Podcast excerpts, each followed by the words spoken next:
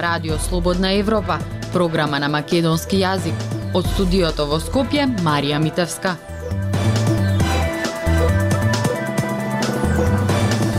Почитувани во вестите ке слушате повеќе време за да се истражат сомневањата дека се вршени експерименти со ковид пациенти и непријавени бактериски инфекции во Жан Митрев, побара министерот за здравство Беким Сали. Растот на доларот нема да влијае врз македонската економија, коментираат аналитичари. Поради повисоките цени за летување, некои од граѓаните годишниот одмор ќе го поминат дома. Останете со нас. Независни вести и анализи за иднината на Македонија. На Радио Слободна Европа и слободнаевропа.мк. Никој не е над законот, ниту има недопирливи, рече министерот за здравство Сали во врска со случајот нечиста крв. Се утврдува како што информира дали испитувањата врз пациентите во Жан Митрев се вршени согласно важечките прописи. Велешанецот Валентин Алчевски е еден од стотиците граѓани кои што пријавија сумнежи за медицинскиот третман во приватната клиника. Повеќе од Ивана Стојкова. 43 годишниот велешанец Валентин Алчевски, чија мајка починала во јануари во приватната клиника Жан Митрев, се сумнева во третманот и лекувањето на медицинската установа. Вели дека за време на целокупниот престој во болницата на неговата мајка имало многу контрадикторности во она што му го кажувале докторите. Неговата 72 годишна мајка била лекувана како ковид пациент. Она што е спорно за него е што откако неговата мајка починала, во отпуснато писмо од клиниката никаде не пишувало за бактериите. Немам никаков документ дека добила инфекција бактерија. И таму кога им одев, да им викам дајте ми ги резултатите од крвта што сте ги правиле. Ништо, ништо буквално нема не ми дадоа. Никаков документ не ми дадоа ни е, како ја лечеле и што ја лечеле и што лекови давале и во и од и отпуснато писмо после три недели од смртта на мајка ми после три недели го напиша отпуснато писмо кога го читав доктори запишале никаде не е наведено ни дека бактерија има фатено ништо дека ја лечеле со од ковид. Малчевски уште еден од стотици граѓани кои што пријавија сомнежи за медицинскиот третман на блиски членови од семејството кои биле болни од ковид, кои добивале бактерии што не биле пријавувани до надлежните институции. Во меѓувреме во одредните инспекциски надзори кои ги започна институциите по документарецот на Ирела, во кој се тврди дека клиниката Жан Митра вршела клинички студии на пациенти со методот на хемофилтрација без да ги пријави, а се истражуваат и смрт смртни случаи поврзани со бактериски инфекции кај пациенти. За сега не утврдиле никаква лична медицинска или институционална одговорност.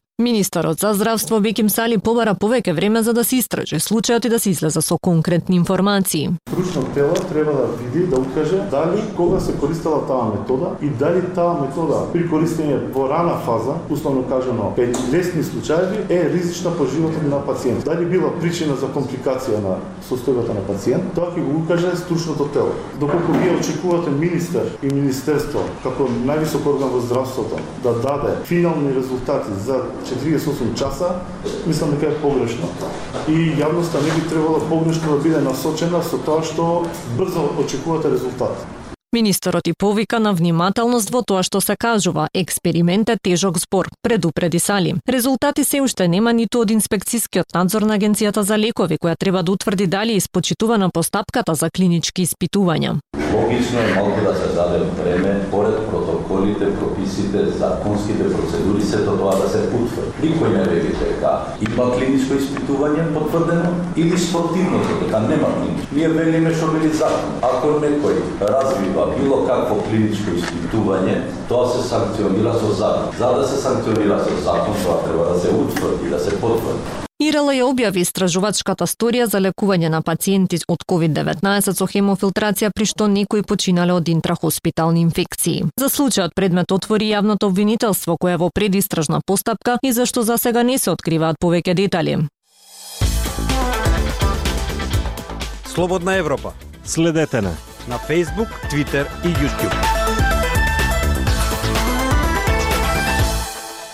Растот на американскиот долар во однос на еврото нема да има значителни ефекти врз македонската економија. Земјава сега плаќа поскапо за увозот на производи во долари, но има и поголема заработка од извозот во долари. Сепак на 90% од надворешно трговската размена на Македонија со европските земји, па падот на еврото нема да има директно влијание врз македонската економија. Прилог на Пелагија Стојанчова. Надворешниот долг на Македонија исто така е во евра, па нема да се зголемува поради курсната разлика. Сепак земјава увезува и производи во долари како нафта и газ, што може дополнително да ја продлабочи енергетската криза.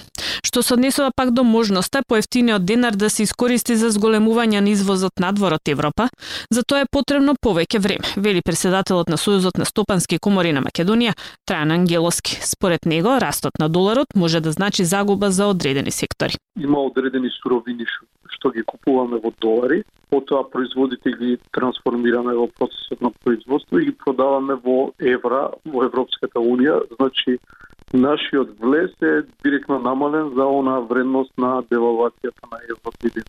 Да беше можда обратната ситуација, тогаш ќе имавме зголемена количина на средства кои ќе ги добијат. Вели Ангеловски. Тој додава дека земјава не може многу да ќари од оваа ситуација и да го зголеми извозот на наши производи надвор од Европа. Теоретски да, практично треба да се работи да отвараме нови пазари кои се во долари изразени. А на тоа тоа се веќе оние земји кои се надвор од Европа, од тоа е долгорочен процес, не верувам дека за краток период е веднаш можен таков импакт. Бранимир Јовановиќ од Виенскиот институт за меѓународни економски истражувања вели дека позитивните и негативните ефекти од тоа што доларот и еврото се изедначени ќе се компензираат и нема да има големи последици. Може да има некои позитивни ефекти од дознаките од странство поради диаспората во Америка која праќа долари кои сега ќе вредат повеќе. Инфлацијата може да биде малку повисока поради цената на нафтата која се изразува во долари и сега ќе биде поскапа. Јавниот долг е претежно во евра така што нема да има некои ефекти таму. Вели Јовановиќ во пишан изјава за Радио Слободна Европа. Економскиот аналитичар Ивана Велковска вели дека падот на еврото не е за изненадување имајќи предвид дека европската економија во моментов се оценува како поран поранлива од американската, токму поради војната во Украина и високата зависност од руски газ и нафта. И таа не верува дека ќе има големи промени на краток и среден рок врз македонската економија, затоа што македонскиот денар е врзан за еврото и нашата главна трговска размена е со европските земји. Од друга страна, бидејќи увозот на енергенците е во долари, силниот долар ќе придонесе за уште поголем притисок на цените на гасот и нафтата. И од тој аспект паритетот на еврото и доларот не е добра вест за македонската економија. Треба да се напомене дека доколку на долг рок, овој пат на еврото е предвестник на поголема контракција на европската економија. Тогаш нивната рецесија во иднина ќе значи и наша рецесија. Дури 78% од трговската размена на Македонија е со земјите од Европската унија, а уште 11% е со земјите од Западен Балкан. На останатите земји надвор од Европа им останува само мал процент. Радио Слободна Европа, светот на Македонија. Музафер Синани вообичаено со семејството одел на одмор во Албанија или Грција, летово вели дека ќе остана дома. Поради повисоките цени на сместувањето, храната и горивата, многу граѓани годинава нема да одат на летување. Оние кои што ќе одат најчеста дестинација им е Грција. Прилог на Јасмина Јакимова. Кризата годинава ќе натера многу семејства да го прескокнат годишниот одмор во време на рекордна инфлација и секојдневни поскапувања. Така, апартман за август за 4 члено семејство во Грција, во собствена режија сега веќе чини по стотина евра на ден, а сместувањето генерално е за 30 на одсто поскапо од лани. Во Албанија е доста поевтино ако се на Јадранско море, додека на Јонско, како на пример во Саранда, цените за сместување се приближуваат до грчките.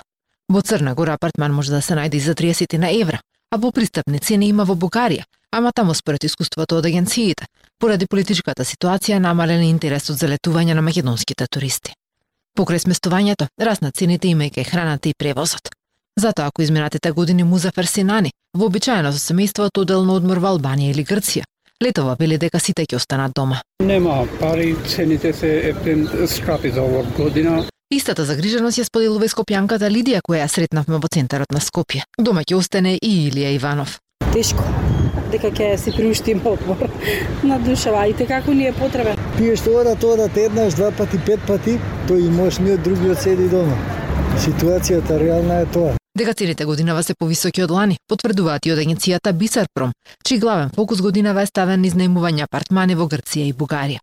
Како што појаснува Билјана Јовановска од оваа агенција, интерес има посебно за Грција, а цените зависат од избраното место за одмор само најмот на да речем четворокреветен апартман во високата топ сезона е некако околу 470-80 до 530 евра за 7 нокевања. Плюс е автобускиот превоз, значи храната е во собствена речи. Горе долу ставете да речеме од 800 до 1000 евра. Покрај во странство разна цените има и во домашните туристички центри. Поскопувањето на хотелските услуги, според Крсте Блажевски од Хотелската асоциација на Македонија Хотам, е во просек за 20 до 30%. Во однос на тоа пак дали поради повисоките цени македонските хотели ќе останат полупразни среде сезона, Блажевски смета дека тоа нема да се случи, бидејќи се уште сме поевтина дестинација од соседните држави. Хотелите ги коригираат цените на некое минимално ниво, каде што можат да изгледат позитива, иначе треба да плаќаат уште од Според последните податоци од Евростат за 2020 година, повеќе од половината македонски граѓани не биле во можност да си приуштат барем една недела одмор надвор од дома, со што земјава е на дното на оваа листа. Во Норвешка, на пример, само 7% од жителите немаат можност да отидат на едно неделен одмор. Култура и уметност на Радио Слободна Европа. Не е ниту сон насловена актуелната 13-та поред самостојна изложба на Владимир Илиевски, што од 15 јули до крајот на месецот се одржува во галеријата на Младинскиот културен центар Скопје.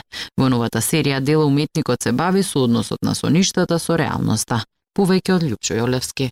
По само неколку месеци од пролетното представување во Нови Сад, соседна Србија, Владимир Илиевски еве го во галеријата на Младински културен центар со нова серија на слики. Кога и како настана поставката не е ниту сон. Телата на изложбата во Нови Сад беа некое очекувано продолжение, да кажем, од тоа што го работи во последно време, во последните 2-3 години. И особено минатата изложба Becoming One, соединување. Сега е нешто доста различно, барем јас како што си го гледам. Поголемиот дел од овие слики нови весте насликани непосредно пред изложбата во пократок период за цел да ги употребам тие некои мисли, енергијата, разни размислувања што ми се појавија овој период. Во своето обраќање до ликовната публика и македонската културна јавност, велите дека тоа се всушност слики кои се доближуваат до на што може да биде сон. Од каде мотивот кај уметникот да зачекори на новата планета што е открил? Од каде потребата да се избега од постојното,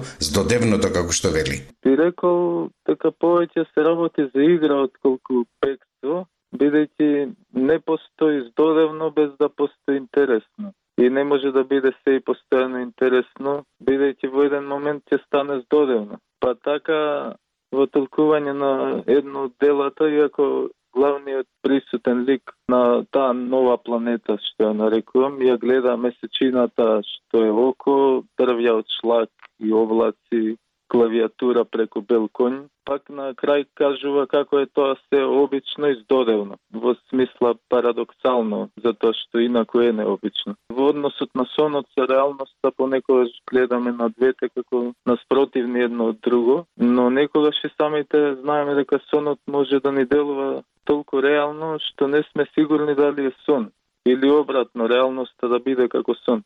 И тој момент го користам бидејќи дава многу широко поле за размислување, за обработка, за создавање дела. И не се задржувам конкретно на сонот, па затоа и насловот е дека ставам однос кон зборот сон, но истовремено и го негирам. Колку новиот момент во творештвото на Илиевски може да се смета за продолжување на неговата развојна авторска линија или пак може би за раскинување со она што веќе го создал? Ми се допаѓа прашањето, бидејќи како што работев на овие дела, константно размислував за токму за тоа истото. Мислам дека со одредени сегменти како стилскиот и техничкиот пристап ова е продолжение на тоа што до сега сум го работел, а истовремено и сублимат на неколку од минатите серии, како некој спој и токму тоа ме води кон можноста за да бидам стабилен и во импулсивната реакција, која ја имам постојано, ми се појавува и во одделно во секое дело и во секоја серија. Ви благодарам на разговорот. Тоа беше се во вистите на Радио Слободна Европа. Од студиото во Скопје со вас беа Марија Митевска и Дејан Балаловски. До слушање.